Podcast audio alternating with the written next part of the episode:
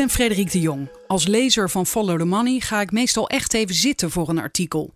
Verhalen waar zo lang aan gewerkt is, kun je bijna niet in vogelvlucht tot je nemen. Het liefste zou ik willen dat de redacteur naast me zat om uitleg te geven. En dat is nu het geval. Spreek hem eens in. Frederik vraagt door. De podcast van Follow the Money. I know you're gonna dig this. Dennis Mijnheer, je artikel staat online. Waar gaat het over? Uh, het gaat over shortcellen, de praktijk uh, van uh, shortcellen. En ik heb een interview gedaan met zo'n activistische shortseller genaamd Carson Blok. En dan zeg je al meteen twee dingen die je even moet uitleggen. Een activistische shortseller. shortseller is een, eigenlijk een soort manier van beleggen. waarin je speculeert op een koersdaling van een, van een beursgenoteerd bedrijf of van, het aandeel, van de prijs van het aandeel.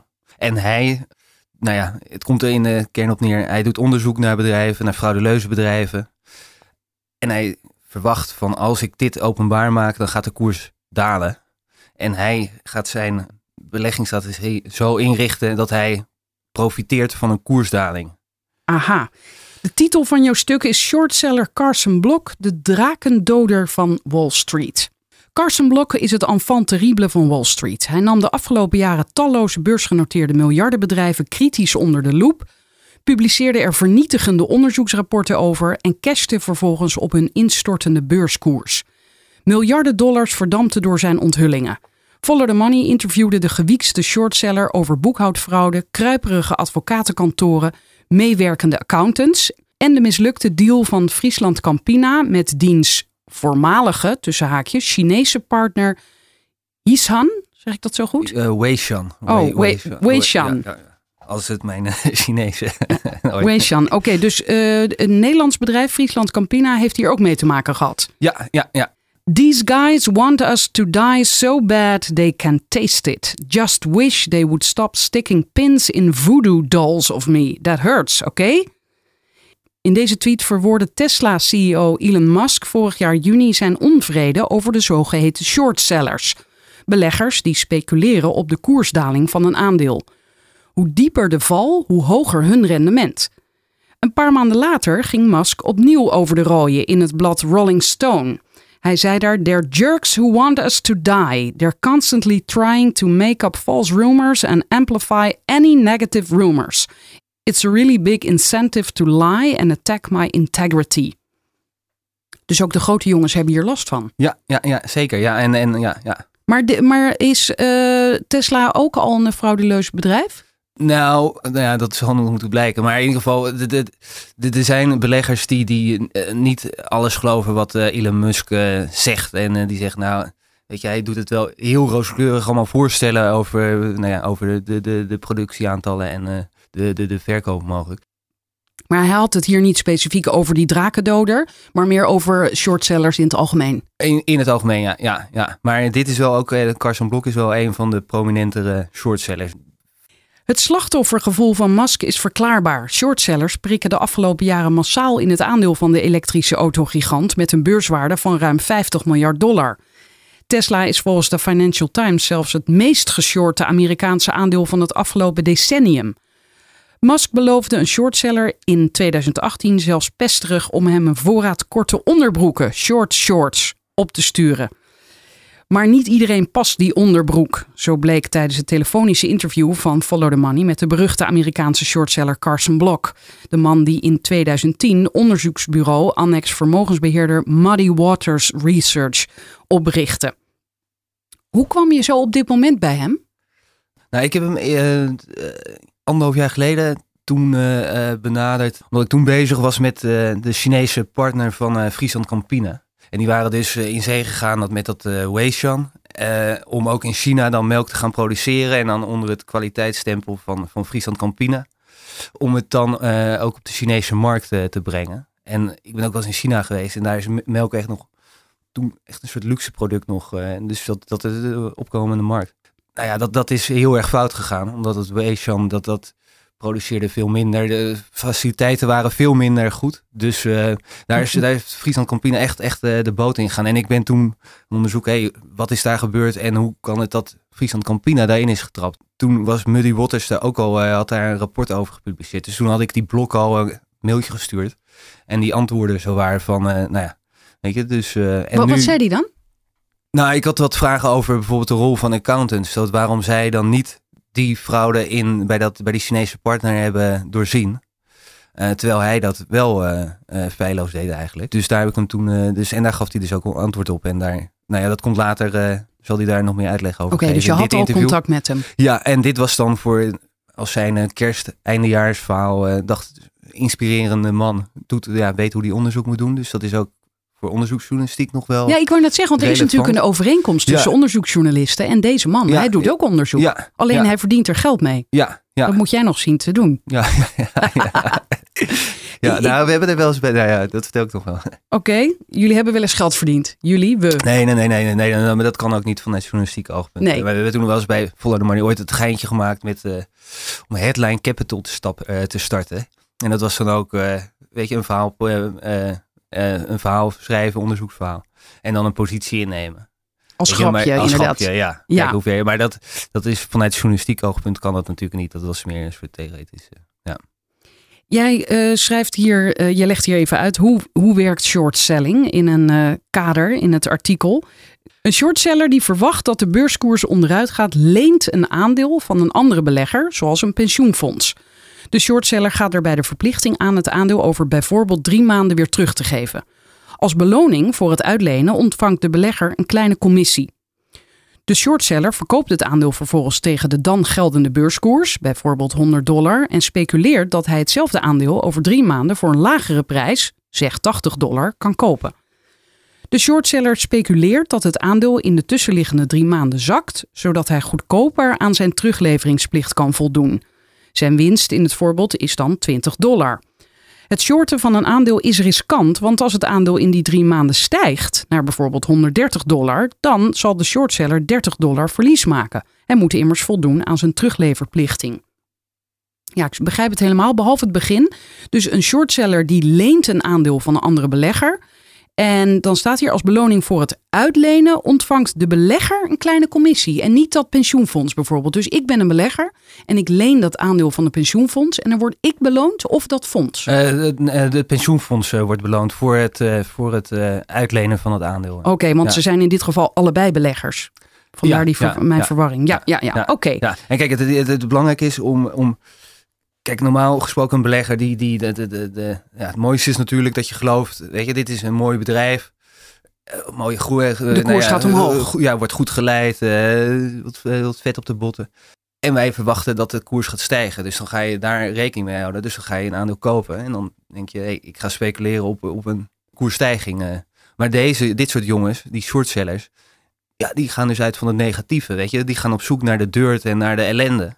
En daar willen zij van eh, profiteren. Maar dat mag wel. Eh, ja, dat mag wel, ja. en zeker, dit ja. gebeurt al heel lang, toch? Ja, Dit, ja, dit fenomeen bestaat al eh, sinds er wordt belegd. ja, ja, ja. Zelfs eh, voor mij Isaac Lemaire in de tijd van de VOC zelfs. toen, die heeft toen al Die deed dat gespeculeerd ook? op... Ja, ja. Die heeft er gespeculeerd op een. ja Achteruitgang op, van de VOC. Op de, op de aandelen van de VOC. ook met... voor mij dat, ja, De 42-jarige Carson Block, geboren in New Jersey, noemt zichzelf een activistische shortseller met als motto: Doing the work Wall Street won't. Zijn verdienmodel is bijzonder. Met zijn bedrijf Muddy Waters spoort hij fouten tussen aanhalingstekens beursgenoteerde bedrijven op, die bijvoorbeeld creatief boekhouden of domweg de winstcijfers oppompen. Vervolgens stuurt hij een team onderzoekers het veld in om bewijzen te verzamelen. En uiteindelijk publiceert hij de eventueel vernietigende onderzoeksresultaten, waarin hij miljardenbedrijven omschrijft als piramidefraude, bijna totale fraude en nagenoeg niets waard. Saillant detail. Blok neemt op de publicatiedag ook een shortpositie in. Dat betekent dat hij winst maakt zodra de beurskoers instort, doordat toezichthouders, justitie en beleggers zich na zijn publicaties roeren. Kortom, hij prikt bubbels door en casht daarop. De naam van Bloks bedrijf verwijst naar het Chinese gezegde Muddy waters make it easier to catch fish. Zelf vist hij het liefst in de troebele wateren van Chinese bedrijven met een beursnotering op westerse aandelenbeurzen. Zijn strategie ontwikkelde hij in 2010 toen hij voor zijn vader, die een beleggingsadviesbedrijf heeft, onderzoek deed naar een Chinees papierbedrijf. Die klus was hem op het lijf geschreven. Blok had bedrijfskunde en rechten gestudeerd en had gewerkt op de afdeling fusies en overnames van het advocatenkantoor Jones Day. Bovendien kende hij China goed doordat hij een tijdje voor zijn vader in Shanghai had gewerkt en daar een Chinees opslagverhuurbedrijf uit de grond stampte. Dat avontuur mislukte, maar Blok hield er het mede-auteurschap van het boekje Doing Business in China for Dummies uit 2007 aan over. Zijn vader wilde beleggingsinformatie over het trendy Chinese bedrijf Orient Paper, dat aan de American Stock Exchange stond genoteerd. Blok reisde naar Baoding om de fabriek te bezoeken waar het zogenaamde eerste klas papier werd gemaakt. Maar dat bleek allemaal één grote illusie. De voorgespiegelde omzet van 100 miljoen dollar was een fars. De wegen naar de fabriek waren nauwelijks geschikt voor af- en aanrijdende vrachtwagens. De helft van de machines was kapot. En de ruwe grondstoffen op de balans, gewaardeerd op 5 miljoen dollar, waren in werkelijkheid weinig meer dan een grote hoop rottend karton. Blok publiceerde op 28 juni 2010 zijn bevindingen, waarin hij onder meer aantoonde dat Orient Paper zijn omzet met een factor 40 had opgeblazen. Het aandeel kelderde na zijn publicatie 57% in waarde. En Blok ontwaarde daarmee een verdienmodel: shortgaan op fraudeleuze bedrijven. In 2011 boekte hij een van zijn grootste successen, wederom met een Chinees bedrijf, Sino Forest of Sino Forest. Deze beurslieveling was ruim 4 miljard Amerikaanse dollars waard op de Canadese beurs en wist zich gesteund door bekende beleggers als Maurice Greenberg en John Paulson, de gevierde hedgefondsbeheerder van Paulson Co. Toen Blok in 2011 een vernietigend rapport over dat bedrijf publiceerde, daalde de koers spectaculair en in het jaar erop ging Sino Forest failliet. Blok noemde het bedrijf een Ponzi-scheme en bijna totale fraude. Ponzi-scheme, wat is dat ook weer? Ja, eigenlijk een piramidespel. Ja. Dus, dus eh, je moet continu geld blijven ophalen om uit te keren. Ja, dus hij was ook meteen heel erg uitgesproken. Ja, ja knijthard, ja. ja. Ja. Hij zei niet van misschien is het niet helemaal juist dat. Nee, gewoon meteen bam, keiharde fraude. Ja, ja, ja. ja. Dus en hij hij, zegt durf- altijd, hij, zegt wel. nooit, het is totaal, het is altijd bijna. Bijna totale ja, fraude. Dus er zit altijd wel kleine veiligheidsmarge bouwt hij in. Maar dan nog, dit zijn echt stevige uitspraken. En als ik die als journalist zou doen, dan, dan moet je het echt, echt heel hard hebben. Want je hebt gelijk natuurlijk advocaat op je dak. eh. Maar heeft hij die bewijzen ook? Eh, ja, ja, ja, ja. ja. Dus hij krijgt geen advocaat op zijn dak? Ja, wel. Ook wel. ja. Ja, ja, maar. Dat, dat, dat, hij blijft staande. Of, eh, Maar nu is hij al een aantal jaar bezig. Maar hoe kan het dat hij ook in het begin al zo stellig durfde te zijn? Ja, nou, dat is goed. Eh, hij heeft vooral eh, goed onderzoek doen. eh, zodat je, eh, mocht je in de rechtszaal terechtkomen, dat je dan, nou ja, op basis van de waarheid, of daar, dat, dat komt nog later in het interview, zal, de, zal die daar ook nog wat over uitweiden. Ja, de precies. waarheid want is zijn grootste wapen eigenlijk. Daar wint hij alles mee, of verliest hij in ieder geval niet mee, zegt hij. Hij heeft nog nooit verloren. Eh nou, zover ik niet weet, niet. Nee. Oké. Ja, want jij verwijst naar het interview. Inderdaad, onderaan dit artikel staat een eh, vraaggesprek met hem. Daar komen we straks inderdaad op. Maar eerst schrijf jij hier Sino Forest beet terug en beschuldigde Blok van smaad en eist een schadevergoeding van 4 miljard dollar. Blok had het echter bij het rechte eind. De Canadese beurswaakhond bestempelde Sino Forest afgelopen zomer als een van de grootste fraudezaken in de Canadese geschiedenis en legde de voormalige topmannen sancties op. Al met al uiterst pijnlijk voor de beleggers die miljarden zagen verdampen. Maar kassa voor Blok. Hij profiteerde van de koersdaling. Door zijn vernietigende rapporten werd Blok een factor van betekenis in de financiële wereld. Bloomberg Market zette hem in 2011 zelfs op de lijst van Most Influential 50 van de financiële wereld. In de subcategorie denkers belandde hij tussen mensen als Jan Hatzius, hoofdeconoom van Goldman Sachs, en Nobelprijswinnaars Daniel Kahneman, Joseph Stiglitz en Paul Krugman. In de jaren daarna spoorde Blok talloze rafelige bedrijven op en deed hij vaak op onorthodoxe wijze onderzoek. Denk aan stiekeme bedrijfsbezoeken, surveillancecamera's bij toegangspoorten of het gebruik van drones om de kwaliteit van productiefaciliteiten vanuit de lucht in kaart te brengen. Daarna volgde steeds een even ongenadig als goed geïnformeerd onderzoeksrapport. Zijn slachtoffers variëren. Je zet hier slachtoffers tussen aanhalingstekens, maar er zijn toch wel degelijk echt slachtoffer, toch? Eh, ja, ja, ja. Het is een beetje welke kant, hoe je het bekijkt natuurlijk. eh. Dus eh, kijk, het, is- sommige bedrijven, ook al frauderen ze, dan kunnen ze nog met een schikking komen ze, nou ja, of Weg. dan blijven ze Ja, wel ja, redelijk ja. overeind. En kijk, als dit, ja, als zij er lucht van krijgen, dan, dan kan het echt, echt eh, heel hard naar beneden gaan. eh. Oké, dus zijn slachtoffers variëren van het Fins-Zweedse telecombedrijf Telia Sonera. Deze in Rotterdam gevestigde onderneming bleek zich schuldig te maken aan omkoping van de Oezbeekse presidentsdochter Gulnara Karimova. Tot het handelsbedrijf Nobel, grootschalige boekhoudfraude en de Franse winkelketen Casino of Casino. Blok beschuldigde dit Franse miljardenbedrijf in 2015 van creatief boekhouden en het oppompen van de winstcijfers. Daags na publicatie daalde de koers van Casino met 15%. En dat leidde tot een mer van rechtszaken en zelfs doodsbedreigingen. Maar dat jaar wist Muddy Waters 100 miljoen dollar binnen te halen en zijn beproefde short sell strategie verder uit te bouwen. Ja, dus andere mensen die, die, die eh, hebben dus vertrouwen in zijn eh, verdienmodel eigenlijk. Dat, dat, daar, Ja, dat kan ik me voorstellen. Dus dat zijn, eh, ja. Maar je bedoel, ja, wat bedoel je daarmee? En die beleggen weer in zijn bedrijf. Ja, dus hij, hij belegt eigenlijk, hij past zijn strategie, die short sale strategie, die doet hij met het geld van, ja, mogelijk zit er wat eigen geld in, maar ook van andere mensen. Dus gewoon Dus andere wij kunnen, beleggers. want ik begin inmiddels ook in deze man te geloven, wij kunnen hierin beleggen. Ja, kan ik een aandeel nemen in ja, zijn succes? Ja, ik denk, ja, ik, moet je. Je hebt zijn mailadres, toch? Misschien Ja, wil je dat... eh, Maar het is, ja, het is riskant natuurlijk. Hè. Dat, eh, Ja. dat, eh, ja. Maar in principe, hij, hij doet het. ik, weet, ik weet daar eerlijk gezegd niet of hij het voor particulieren doet of dat hij het voor professionele beleggers doet. Nee, ik zal me inhouden.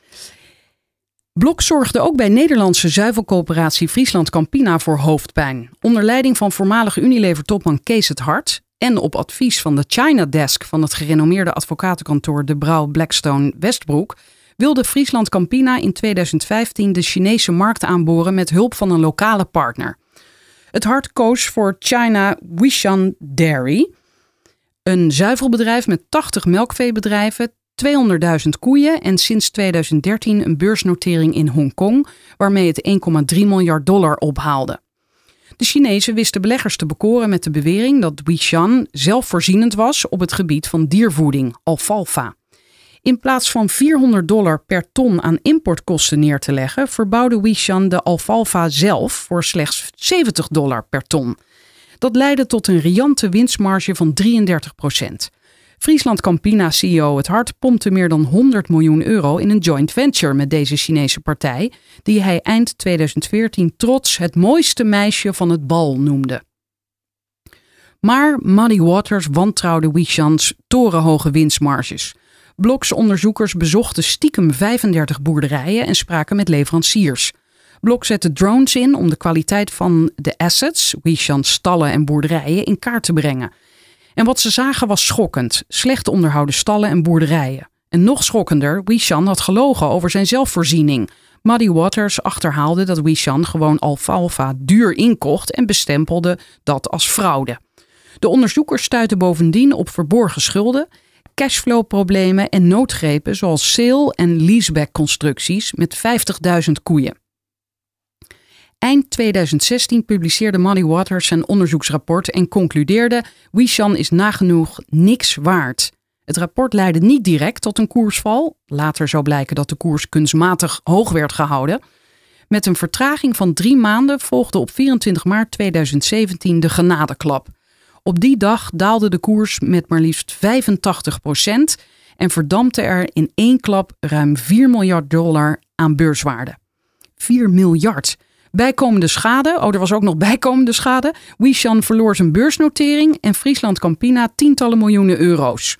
Ja, zie de FTM Long Read staat hier. Dat is dus dat artikel dat jij eerder schreef. Ja, klopt. Ja, Ongelooflijk dat je er zo intuint, hè? ja, ja, ja, ja, ja. ja. Maar het is wel ook, dat soort Chinese bedrijven, die zijn nog wel redelijk gehaaid. Dus, eh, dus dat niet Weesel, maar het was een ander eh, bedrijf. En dat komt ook in de Netflix documentaire The China Hustle. Daar zit die, deze Carson Blok ook als een Oh. van de experts. Ook, die is ook echt goed. Ehm, maar dan zag je bijvoorbeeld dat, dat, dat, dat was dan een, even kijken, ik dacht een kunstmestbedrijf, Chinees kunstmestbedrijf. Of, en op het moment dat er dan eh, eh, westerse zakenmensen of beleggers kwamen om, op, om de, de fabriek te bezoeken, dan gingen de dag zelf, gingen er gewoon de lichten aan, vrachtwagens gingen heen en weer. en eh, nou ja, deze... Dan deden ze alsof er bedrijvigheid was. Deden ze, ja, ja, dat fakten ze. Maar er waren gewoon deze, deze nou ja, blok, eh, die, die, dat, die onderzoeksmethoden, die zijn echt, nou ja, ik noem het al onorthodox, maar ze deden gewoon verborgen cameraatjes bij de toeritten. En de drones. Maar daardoor zagen ze alle bewegingen. Dus het is eigenlijk gewoon bijna een soort bedrijfsspionage, kan je het noemen. Maar daardoor zag- zagen ze dus dat, dat het gewoon één grote show weer was eigenlijk van zo'n bedrijf. Nou, nou noem je wat, bedrijfsspionage. Is dit, kan dit zomaar? Kan je zomaar camera's ophangen bij een bedrijf, ook al is het in China? Nou, vanuit de, ja, ja, een goede vraag. Ehm, vanuit, vanaf de openbare weg. Nee, ik denk eigenlijk niet dat het mag. eh. Nee. Nee. Nee. Maar hij doet het gewoon. ja, En hij investeert dus ook behoorlijk daarmee, want dat kost nogal wat. ja, ja, dit, dit eh, met dat eh Weishan eh, was 300.000 dollar, vertelde hij dan tijdens het interview. Dat heeft, de- Heeft dat hij- onderzoek hem gekost. Ja, ja, ja. 300.000 dollar. En toen wist hij nog helemaal niet zeker of er echt iets mis was. Of wel? Nee, nou, ook, hij, hij zoekt natuurlijk naar signalen van mogelijke of naar rode vlaggen. En daarin gaat hij dan inzetten. Dus ik denk, voordat hij zo, zulke bedragen investeert, denkt hij, nou ja, de grote kans dat ik hier, weet je, ja, dat het bingo is. Dat onderzoek van, van dat over de, Chinese partner Weishan, dat, dat is toen nog, eh, de, of die blok heeft toen dat onderzoeksrapport uitgebracht. Nou ja, natuurlijk vernietigend. En de Financial Times heeft er toen aandacht aan besteed. En die hebben toen ook nog zelf eh, zijn beweringen eh, gecontroleerd. En die kwamen min of meer tot dezelfde conclusie. Of het klopte wat, wat deze man eh, en dat was, schreef. was dat dan in die periode van drie maanden waarin de koers niet direct eh, zakte? Jij schrijft, eh, later bleek dat die koers Ja. kunstmatig hoog werd gehouden. Hoe Ja. werkt dat dan eigenlijk? Ehm, nou, de, de, de, de, ehm, de oprichter en groot aandeelhouder van dat Chinese eh, partner Weishan, die eh, bleef maar die koers, eh of bleef eigenlijk aandelen kopen. Om die koers, eh, Hij kocht gewoon zijn eigen aandelen. ja, ja, en, ja, ja, Oké, dus in die drie maanden bleef eh, daardoor de koers eh, hoog. Die, die zakte niet echt. Nee. En in die periode heeft de Financial Times een en ander gecheckt. Ja, ja, ja. Heel veel, exact weet ik het niet hoor. Maar in ieder geval, ze hebben die beweringen van, eh, van het rapport hebben ze toen nog. En daarna was het ook meteen gedaan. ja, ja, ja. En, en de man, de, de oprichter, die kon, het, die kon dat aandeel niet volhouden om dat te blijven stutten. Want hij Nee. dat, dat, eh, Op een gegeven moment is je eigen geld ook op ja, natuurlijk. Ja, ja. En ik heb toen in dat vorige verhaal over Friesland Campina heb ik toen ook nog een, een, een, een, een eh, eh, man in China gesproken, een Nederlander. Eh, en die zat ook goed in dat alfalfa. En die, die gaf toen ook aan van ja, dat, dat, dat is onmogelijk. En dat wist hij dan uit eh, nou ja, eerste hand eigenlijk. eh. Onmogelijk dat je zelfvoorzienend bent. ja, ja in, in China. Omdat die heuvels, die, die, eh, dat, nou ja, er zitten gewoon beperkingen daar. Dus eh, ja, heel, heel eh, ja, interessant. Ja, en eh, je noemde al, Karsten Blok is te zien in die documentaire op Netflix. Jij hebt hem nooit in levende lijven ontmoet. Nee, nee, nee, nee. Maar je Nee. interview, wat we zo gaan horen, dat heb je gedaan via Skype of via de telefoon? Nee, gewoon via de telefoon eigenlijk. Oké, dus Ja. je, je kan, kan je wel vertellen, wa- wat voor man is dit nou? Hoe, hoe ziet hij eruit? Wat, wat, wat? Ja, het is een beetje, als je hem ziet, want hij geeft ook vaak bij Bloomberg TV geeft hij commentaar. En hij praat echt, eh, ja, echt Amerikaans accent en een beetje een arrogante, ja, zo'n beetje een high school dude, eh, weet je, zo'n beetje een beetje elitaire, hogende eh vent. Eh, maar heel, eh, nou ja, aardige kerel. Dus eh, het interview was bijvoorbeeld na drie kwartier moest hij, moest hij, eh, kreeg hij een belletje, moest hij afscheid eh, nemen. Terwijl we eigenlijk hadden maar een half uur. Dus toen bood hij eigenlijk aan van hé, en eh, ik had eigenlijk nog wel wat extra of wat meer vragen. Ehm, dus toen hebben we een nieuwe afspraak via zijn secretaresse. Zei hij, oh, laat ik even die en die eh ik. En dan, oh, en dan gaan we een nieuwe afspraak maken. En dan hebben we daarna nog eh, twee, twee... Nee, of kijk, dat was de dag van kerstavond volgens mij. Ja, de dag van kerstavond. Toen eh, hebben we weer eventjes een eh, kwartiertje nog... eh, Want hij vindt het kennelijk ook belangrijk om zijn verhaal naar buiten te brengen. Ja. Ook in een klein landje als Nederland. ja, Bij Follow the Money. ja, Had blijkbaar. hij zeker ja. wel van Ja. gehoord, of niet? Ja, maar kijk, hij, kijk, hij eh, heeft natuurlijk ook een, een, een belang hierin. Want, want zijn, zijn strategie werkt alleen maar als, als zijn onderzoeken impact hebben. Dus het moet aanslaan bij beleggers. Nou ja, en hoe kom je bij beleggers? Nou ja, dat is via analisten, maar ook via de media. Dus als media wereldwijd zijn onderzoeksrapporten oppikken en daar grote verhalen over schrijven van dit Ja. bedrijf is een... Ja, dan is, wordt de kans groter dat die koers daadwerkelijk gaat dalen. Omdat eh, de gewone belegger die leest natuurlijk ook de kranten. Wa- Wat vindt hij nou belangrijker? Het, rijk worden of eh, wantoestanden aan de kaak stellen? Ja, kijk, het is geen weldoener, of dat, dat geeft hij aan. Hij, eh, er moet een verdienmodel zitten, dus ook al is er een misstand en ik kan er niet, en ik, maar ik kan er niet aan verdienen. Ja, Dan doet hij er niks mee. Nee, Dus hij vindt. maar daar hij- twijfelt hij nu wel een beetje aan. Maar dat, dat, eh, ja, waarom twijfelt hij daaraan? nou, omdat er, eh, of tijdens het interview gaf hij aan, zijn, er zijn een paar in en in slechte bedrijven in de wereld. En eh, daar is hij wel eens op gestuurd op zo'n bedrijf. Maar er zat geen verdienmodel aan. Dus hij kon, niet, hij kon er niet aan verdienen. Aan die slechtheid eigenlijk. eh, hoe, Maar je- wat bedoel je dan dat hij twijfelde? Hij had ze graag willen aanpakken. Hij had ze graag willen aanpakken. En hij zei, misschien moet ik dat de volgende keer ook eh, wel doen. Dus eh, als je zegt, dit Maar is... hij noemt zichzelf activistische shortseller, maar geen idealistische. Nee, nee, dus. nee, nee, nee, nee. Dat heb ik ook zo, dus eigenlijk min of meer op die manier gevraagd. Oké, nou dan gaan we nu Ja. inderdaad naar dat vraaggesprek van jullie. Wat was jouw eerste vraag aan hem? Was benieuwd naar van wat is de toegevoegde waarde van een eh, activistische shortseller eh, in de financiële wereld? Algemene vragen aan eh, die Carson Blok. Ja. En daar zei hij op, er is een bekend verhaal van de Amerikaanse bankrover Willie Sutton, die bij zijn arrestatie gevraagd werd waarom hij banken beroofde. En hij antwoordde, omdat daar het geld ligt. Hetzelfde principe geldt voor de kapitaalmarkten. Er ligt daar veel geld, waardoor het slechterikken aantrekt. En er wordt bij lange na niet genoeg gedaan om de grote aantallen slechterikken op kapitaalmarkten aan te pakken.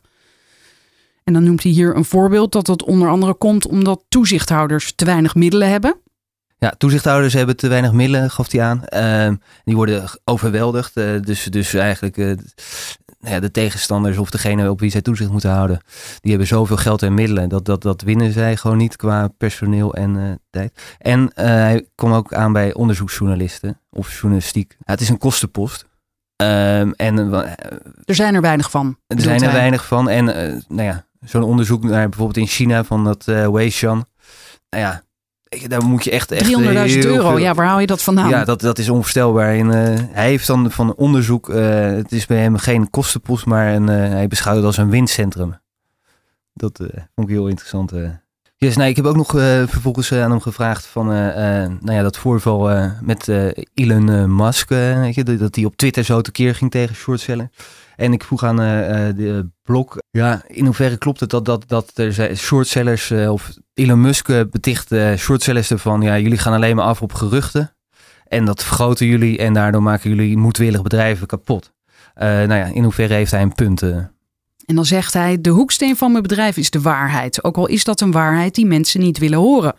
Musk beschuldigt niet alleen shortsellers, maar ook de media van het verspreiden van nepnieuws.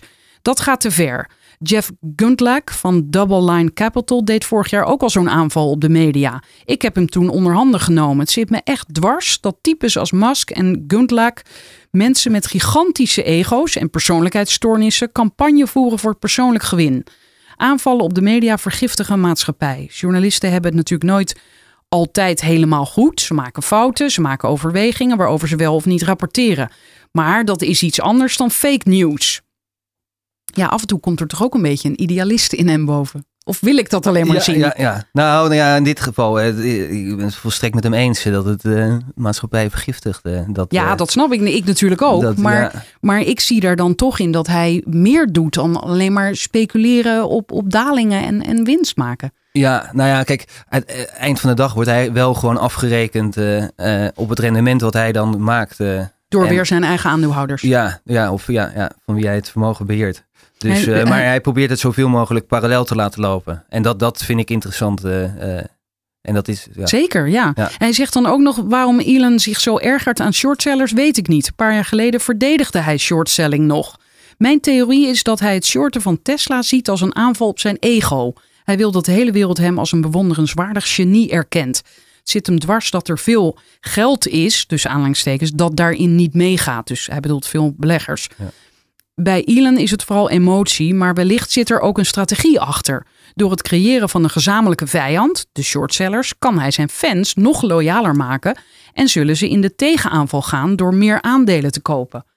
Ja, Ja. is dat ook aan de hand? ja, het is natuurlijk een beetje specule- speculeren. Hij is een speculant, dus ja. En dit is gewoon een, ja, een soort fitty tussen Musk en, eh, dat clubje, weet je, dat is verder niet zo. eh, Of dat vind ik dan wat minder interessant. eh, Ja. Dat, dat, eh, weet je, als je het als hij het echt aantoont dat, dat Tesla een, eh een fopbedrijf is, dan, dan, dan, nou ja, dan, Dat boeit ja, jou niet? dan boeit het juist wel. Dan gaan Oh, we juist horen, wel. Dan juist, weer. eh, Pas dan... maar dan, eh, dat hij ja. het over wat nou precies eh, een soort psychoanalyse over het ego van Musk. Dat, Oh, dat vind ik dan wel weer leuk. Maar Ja, goed, ja, ja. Even kijken, die volgende vraag gaat over het feit, dat hebben we al besproken, dat er 300.000 dollar, dat hij dat heeft besteed aan het onderzoek naar die Chinese partner van Friesland Campina. Dan kunnen we naar de vraag daarna. Ehm, even kijken, ja, bij, bij, bij, dat, bij Weishan, bij die Chinese partner van eh Friesland Campina, of voormalig, was er een eh, vertraging van drie maanden voordat het aandeel eh, daadwerkelijk crashte. Dus drie maanden na publicatie van het rapport. Ehm, en ik vroeg dan aan, aan Blok van hoe riskant is het om short te gaan. En dan zegt hij, Wishan was een massaal gemanipuleerd aandeel. Er zaten vermogende mensen achter die maar bleven bieden op aandelen om die koers hoog te houden. Wij hoopten dat ons rapport dat patroon zou doorbreken, maar dat lukte in eerste instantie niet. Uiteindelijk beseften de manipulatoren dat het over was, trokken ze hun biedingen in en toen stortte het aandeel letterlijk binnen een paar minuten met 80% in. Ja, kijk, bij dat short gaan heb je dus ook een bepaalde termijn dat je die aandelen weer terug moet eh, eh, leveren. Dus een maand of twee maanden, drie maanden. Maar dan moet er wel in die periode moet die koers daadwerkelijk gaan zakken. Anders moet je, nou ja, je moet weer dat aandeel terugleveren. Anders kan je ook verlies leiden. Ja. Dus als het te lang duurt en eh, de, de, de- jouw shortperiode is over, dan, dan, eh, ja, dan kan je er niet van profiteren. Dus, eh, En hier vraag jij dan aan hem, hoe kan het nou eigenlijk dat ervaren bestuurders bijvoorbeeld in zo'n Chinese valkuil trappen? En dan zegt hij, veel westerse zakenmensen komen in China in de problemen doordat ze niet cultuurongevoelig willen overkomen. Zodra ze op iets vreemds stuiten, doen ze het af met, ja, zo gaat dat daar kennelijk, ik moet daar geen groot probleem van maken. En daar gaat het vaak fout. ja. Dat is toch ook interessant? Ja, ja, dit vond ik heel interessant. Ja, ja. Ja, want ik, ik, ik heb re- regelmatig schrijf ik eh, over, eh, ja, over, over China, maar ook over eh, andere landen, Kazachstan eh, of Azerbeidzjan. Ehm, en dan vind ik het altijd interessant van, van, van ja, eh, hoe kan het zo vaak fout gaan? Ook zeker in China. Dat, dat, eh, er zijn zoveel bedrijven zijn daar, eh, ja, hebben daar verlies gemaakt eh, of in, met de verkeerde partners in zee gegaan. En dit dacht ik, ja, dit, dit hier had ik eigenlijk zelf nooit aan gedacht. eh, maar Nou ja, het is natuurlijk bekend dat bij, bij zaken doen in het buitenland komen er altijd cultuurverschillen om de hoek. Maar ja, Ik had me Maar- ook niet gerealiseerd dat er dan zodanige verschillen zijn dat mensen daarop reageren met eh, ja, dit zal wel normaal zijn. Ja, In ik plaats dacht van dat je juist dan van zegt, Nederlanders zijn heel direct. En die, eh, als ze iets zeggen van hoe kan het nou, wat een onzin. Maar dat gebeurt dus niet meer of onvoldoende. Het is juist van oké, eh, als eh, de Chinees wat zegt, dan, dan gaan we heel oké, oh ja. Weet je, dan, dan gaan we daarin mee in plaats van... ja, vond ik een wijze les. Of dat, dat zou ik nog wel van meer mensen eigenlijk willen horen in hoeverre dat zo wordt ervaren. Ja, toen heb ik ook nog gevraagd eh, van waar, eh, waar, ja, waar kijkt u naar eh, bij het opsporen van frauderende bedrijven die potentieel interessant zijn om te shorten. We zoeken naar bedrijven die te mooi zijn om waar te zijn. Zoals Wishan met zijn ongekend hoge wi- winstmarges. We kijken ook naar bedrijven die heel snel groeien en waar de prijsdoelen telkens omhoog worden bijgesteld. We vragen ons dan af, hoe kan het dat zij het zoveel beter doen dan alle anderen? Vinden we daar geen logische verklaring voor, dan gaan we dieper in op de jaarverslagen. Ja. Waar kijkt hij dan bijvoorbeeld naar? Ja, naar, tussen, tussen de gerapporteerde winst bijvoorbeeld, die eh, volgens de eh, internationale boekhoudregels eh, gerapporteerd moet worden. En die het bedrijf zelf denkt gemaakt te hebben, los van de regels. dus, en Ja, er ja. wordt waarschijnlijk wat mooier voorgespiegeld dan het is. Dus maar het komt er vooral op neer, hij gaat op zoek naar een beetje, ja, waar in de boekhouding een beetje dingen opgerekt kunnen worden. Weet je, of zelfs mee gesjoemeld kunnen worden. En hij zegt dan wanneer de taal te promoterig is, dan raken we extra geïnteresseerd. Zodra we in analistenrapporten en persberichten veel buzzwoorden als cloud en platform, platform tegenkomen, dan kijken we daar ook nauwkeuriger naar. Ja. En we zijn geïnteresseerd in bedrijven die veel overnames doen of investeren in opkomende markten. Want daar zit een grote potentie qua fraude. Ja, want dan kom je weer op die cultuurverschillen bijvoorbeeld. Ja, ja, en er zijn ook wat minder regels eh, zijn er in, in opkomende landen vaak. En wat minder goed toezicht. eh, dus er is wat meer mogelijkheden om eh, te frauderen, ja. Ja, ik heb ook nog, of daar was ik zelf ook benieuwd naar. ja, de link met Nederland. dus ik heb, ik heb toen aan hem gevraagd ja, in hoeverre Nederland en iets breder Europa interessant is voor shortsellers. En nou ja, daar kwam een heel erg interessant antwoord uit. Hij zegt daarop: De situatie in Nederland ken ik niet goed, maar in het algemeen biedt continentaal Europa kansen vanwege een aantal gigantisch problematische bedrijven die goochelen met cijfers en daarmee beleggers voor de gek houden. Vanuit het perspectief van een shortseller betekent dat werk aan de winkel. Maar het grote nadeel van Europa is dat wie kritiek heeft op machtige instellingen en grote bedrijven veel tegenwind krijgt van overheden en autoriteiten. Activistische shortsellers krijgen zelfs al hebben ze het gelijk volledig aan hun kant, altijd met vijandigheid te maken. De autoriteiten en toezichthouders zeggen dan: Jij wil alleen dat de koers gaat dalen en dat schaadt bedrijven en werkgelegenheid. Dat willen we niet. Ik zie zo'n reactie als een the tail wags the dog mentaliteit. Want problemen die een bedrijf wegmoffelt, komen uiteindelijk altijd uit. De vraag zou moeten zijn: hoeveel beleggers laat je in de tussentijd in de val lopen? Als activistische shortseller wil ik dat die schade stopt. Ja, Nou, Ja. mooi. Maar Ja. hij zegt, er zijn, even kijken, wat staat hier nou? Eh, er zijn een aantal gigantisch problematische bedrijven in Europa. Lekker.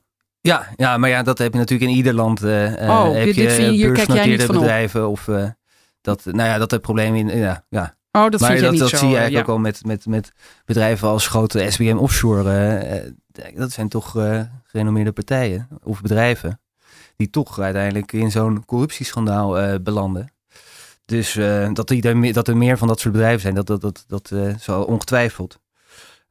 Hij krijgt alleen, wat ik eerder aangaf, die impact is heel belangrijk voor deze man. En hier, hij zegt over Europa, ja, er wordt nogal argwanend tegen ons aangekeken, tegen shortsellers. En autoriteiten die doen er niet mee. Want die moeten eigenlijk dan, weet je, bij het bedrijf naar binnen gaan van hé, hey, er is een rapport, weet je, wij hebben ook wat signalen. Kom eens, laat eens zien eh, hoe heb je dit berekend in je boeken. En we doen nog even een extra boekencontrole bij, eh, bij het bedrijf. Maar hij zei dat dat gebeurt dus eh, te weinig. En daardoor wordt het voor hem minder interessant. Ja, en de vraag die jij dan stelt is: U bent veelvuldig aangeklaagd in smaadzaken waarin miljarden dollars geclaimd werden. Hoe kunt u nou winnen van tegenstanders met diepere zakken dan de uwe? Ja, nou ja, eh, Blok die zei toen, eh, nou ja, dat hij van meet af aan heb ik me erbij neergelegd dat de tegenstander altijd meer middelen heeft dan wij. Want hij neemt het tenslotte op tegen beursgenoteerde bedrijven. Eh, en toen vervolgde hij van de waarheid is het krachtigste middel dat hij in handen heeft. En daarmee kunnen we de meeste zaken winnen. En we zullen niet verliezen zodra we worden aangeklaagd door de tegenpartij of een toezichthouder. En toen ging hij ook nog even in op eh, in 2011 eh, eh, over de zaak Sinoforest. Weet je, eigenlijk zijn eerste grote, grote Ja, wat we zaak. eerder ook al noemden. Ja, in Canada. En nou ja, dat hij daar heel weinig vrienden mee heeft gemaakt. en ehm, nou ja, dat... Maar hij heeft wel gewonnen. Ja, hij heeft gewonnen, ja. Ja, ja, ja. En hij kon het winnen, zoals hij aangaf. We konden Maar hij zegt, hier, wat, ja. hij zegt hier, nadat we ons rapport uitbrachten, heeft Sino-Forest 50 miljoen dollar, 50 miljoen besteed aan het onderuit halen van ons onderzoek. En dan zegt hij er doodleuk achteraan, dat is veel geld. ja, Ja, ongelooflijk. Dit, dit hier in de, in de, in de Netflix-docu, eh China Hassel, gaat hij hier ook nog eh, op in, op die tegenstand. En hij heeft dus allemaal tegenrapporten komen er dus, eh, ook van, van, van gerenommeerde kantoren, om zijn beweringen weer onderuit te halen. Dus, en dus, de, de, de, de, ja, de stakes. Het is, eh, wordt op hoog niveau gespeeld dit. Ja, ik was ook benieuwd naar van, van nou ja, in hoeverre is, dat, is zijn verdienmodel eh, winstgevend? eh? dus dat, dat heb ik toen aan hem eh, ook gevraagd. We maken goede rendementen, maar onze business is niet schaalbaar. We zoeken namelijk naar aandelen van bedrijven die wat verbergen. Het is hard werken om zulke bedrijven te vinden en dan moeten we ook voldoende bewijs verzamelen om een rapport te maken. Het onderzoek is kostbaar en niet alles leidt tot een publicatie. En soms levert de publicatie ons geen rendement op. Ik verdien goed, maar het is geen fantastische business vanuit economisch perspectief. We doen het vooral omdat we het leuk vinden. Leuk vinden? Is dat zo? Maar ik dacht dat die man wel miljonair was. Inmiddels. Ja, dat, dat is hij denk ik ook wel. Oh, dat, dat, eh, Maar dat noemt hij niet veel. Nou, het kan, eh, ja, maar dit is een beetje een Wall Street, eh, weet je, dus, dus eh, een Ja, ja, miljoen is, peanuts. is ja, precies. Ja, ja, ja. Ja, maar later, na, na dit verschijnen van het interview, is, kwam er een bericht op Business Insider. En die, die gaven aan dat, dat of die hadden het van een bron, dat hij 18% eh, rendement zou maken op zijn, nou ja, ja, Op zijn handelingen. vermogen. Ja, en dat is echt veel. Dat, dat, eh, mocht, als dat klopt hoor, 18% op, eh, op zijn uh, investering. Maar bedoelde zij dan per belegging? Nee, in het algemeen. eh, In het dus, algemeen? ja, Dus Ja. op zijn vermogen? ja, of hij, heeft het, hij beheert het vermogen van anderen. En daar past hij dus eh, deze short sale strategie eh, Ja, toe. ja. En het rendement wat hij... de- Zou 18% zijn. ja, volgens... eh, Dat is waanzinnig, toch? Dat is heel goed. Dat, dat, dat, eh, ja, ja, ja. Zijn er nou niet veel mensen die denken: dit ga ik ook doen, wat hij doet? Of is hij de enige? Nee, toch? Nee, nee, nee, nee. Er zijn veel meer eh eh shortsellers en niet... Nee, dat weet ik. Maar ik bedoel mensen die zo eh, diepgravend onderzoek doen. Op deze manier. Doen, of doen al die shortsellers dat? Nee, nee, nee. Nou, ze doen eigenlijk... eh, eh, of iedere professionele belegger, die, die, die doet natuurlijk onderzoek in de, naar de bedrijven waarin Ja. zij mogelijk gaan willen beleggen. Dus, en nou ja, dit soort shortsellers, die gaan dan alleen nog een stapje verder. Dus die, die maken daar nou ja, een winstcentrum van. Dus daar zetten ze gewoon heel veel middelen op in. Dus er zijn er meer. goed- ja. Maar, maar hij is mogelijk de meest succesvolle. Eh, nou, dat ja. Ze, ze, gaan ook weer, zijn ook weer niet zo transparant dat ze al hun eh, rendementen eh, weet je, open en bloot geven. Want hij wil daar zelf niks over zeggen. Hè? Nee, nee, nee, nee. nee. Heb je het wel gevraagd? Ja, ja, ja. Ook al wist je, hij gaat er niet op antwoorden, maar je hebt het toch weer even gevraagd. Van, ja. hoe gaat het kijk, hem? hij, ja, hij geeft wel ja, goede rendementen. Dus ja, hoeveel dat dan precies is, eh, dat. eh, ja. Ehm, ik heb ook gevraagd nog over of op de website van eh, Muddy Waters. beschrijft hij zijn activiteiten. En dat doet hij. nou, het, hij hij noemt, benoemt het als het afpellen van lagen. aangebracht door ogenschijnlijk gerespecteerde. maar kruiperige advocaten en accountants. Ehm, dus ik was dan benieuwd, en dat heb ik aan hem gevraagd. Bedoelt u dat zij bewust meewerken aan het gesjoemel? Accountants helpen hun klanten bij het zo ver mogelijk oprekken van de boekhoudstandaard. Accountants zeggen niet: hey, dit is technisch gezien legaal, maar ik vind het niks omdat het misleidend is. Als je het niet aanpast, dan hebben we een probleem. Dat zeggen ze dus niet. Accountants helpen juist met het tweaken en het opzoeken van de grenzen. Dat is exact het omgekeerde van wat het publiek van een auditor verwacht. Prestigieuze advocatenkantoren doen hetzelfde. Zij krijgen prestige door klanten te helpen bij dingen die ze eigenlijk niet hadden mogen doen. Beleggers moeten echt begrijpen dat advocatenkantoren er niet zijn om hun belangen te vertegenwoordigen. Het zijn sycophanten, de yes man, waarbij alles draait om kissing ass.